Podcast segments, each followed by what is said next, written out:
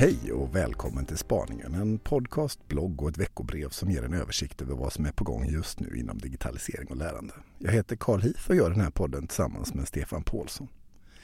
Den senaste upplagan av Talis är först ut här den här veckan och vi fortsätter med att berätta om en ny kurs i spel, spelande och spelkultur som Jonas Linderoth på Högskolan i Skövde utvecklat tillsammans med RISE. Och därefter är det dags för två nya forskarintervjuer från Learning Forum innan vi sätter punkt med veckans tips.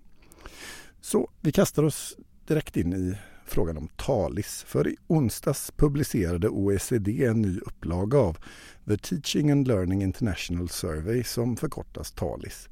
Syftet med undersökningen är att ge en bättre inblick i skolans lärmiljö och lärares och rektorers arbetsvillkor i OECD. Studien genomförs i samarbete med skolmyndigheterna i de deltagande länderna och regionerna. Den omfattar totalt 260 000 lärare på 15 000 skolor i 48 länder och regioner. Studien presenteras både i en samlad rapport och i en rapport för varje land och region som deltar. Titeln på den svenska rapporten är Talis 2018, en studie om lärares och rektorers arbete i grund och gymnasieskolan. Bilden är tämligen ljus för Sveriges del.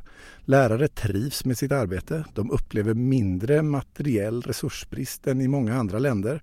Studieron ligger på samma nivå som genomsnittet i OECD och lärare upplever också att yrket har fått högre status. Men det finns också problem. Ett som lyfts fram är det bristande stödet till elever i behov av särskilt stöd. Ett annat är att lärares digitala kompetens fortfarande är en utmaning för skolan. Lärare har i allmänhet en hög tillit till sin förmåga att undervisa. När det gäller användningen av IT och digitala medier i undervisningen är tilliten betydligt lägre, omkring 65 procent. 60 procent menar att de har behov av kompetensutveckling inom det digitala området trots att 67 procent uppger att de har fått det under de senaste 12 månaderna. 22 procent säger att det viktigaste kompetensutveckling är just detta. Genomsnittet i OECD inom det här området är 18 procent. Så till skillnad från många andra länder upplever man generellt sett inte några större brister vad gäller den digitala infrastrukturen. I Sverige är det bara 10 procent som menar att sådana brister hämmar undervisningens kvalitet. Och i OECD är genomsnittet 25 procent. Skolverket konstaterar i den svenska rapporten att de fortsätter erbjuda olika former av kompetensutveckling som ett stöd för huvudmännen i deras systematiska kvalitetsarbete med rektors och lärares digitala kompetens.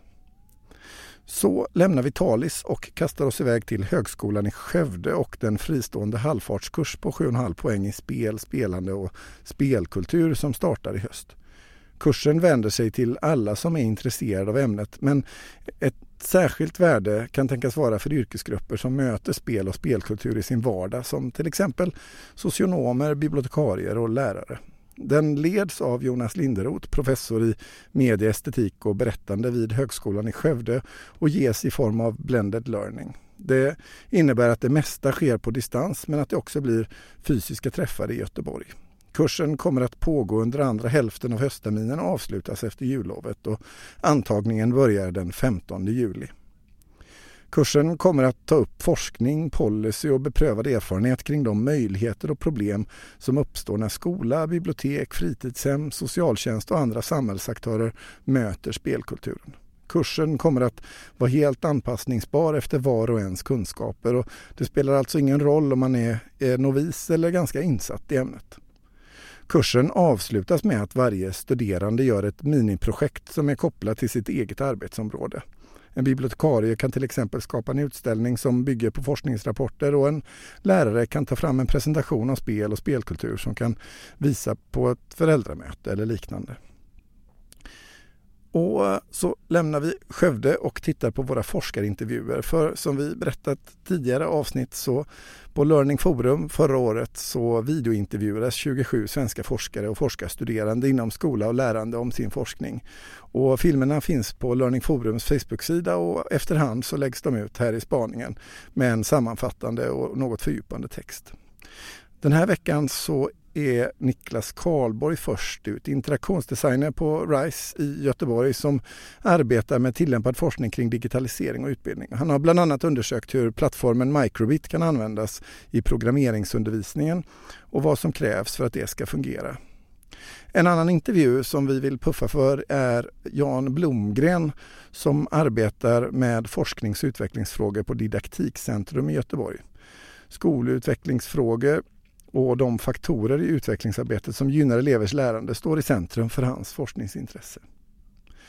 Så eh, har vi ju nyligen firat midsommar eh, men i den kontexten så ger vi ett litet spännande tips och det är att Göteborgsregionen har tagit fram Textäventyr, en kostnadsfri webbaserad tjänst som gör det möjligt för elever att utveckla sin språkliga förmåga genom att skapa interaktiva berättelser. Berättelsen delas upp i olika noder och läsaren kan själv välja vägen framåt och hur handlingen ser ut. Tjänsten är enkel att använda, ger goda möjligheter att skapa avancerade berättelsestrukturer och rymmer även element av speldesign. Det finns både kopplingar till vad styrdokumenten säger om digital kompetens och vad som står i kursplanen för ämnet svenska. Elever ska kunna använda och förstå digitala verktyg och medier och ha ett kritiskt och ansvarsfullt förhållningssätt till digital teknik och att kunna lösa problem och omsätta idéer i handling på ett kreativt sätt genom att använda digital teknik. Undervisningen ska syfta till att eleverna utvecklar sin förmåga och skapa och bearbeta texter på svenska, både enskilt och tillsammans med andra. Och man ska ges möjlighet att kommunicera i digitala miljöer med interaktiva och förändliga texter. Och den här tjänsten Textäventyr den möter väldigt många av dem. Så ta en titt på det.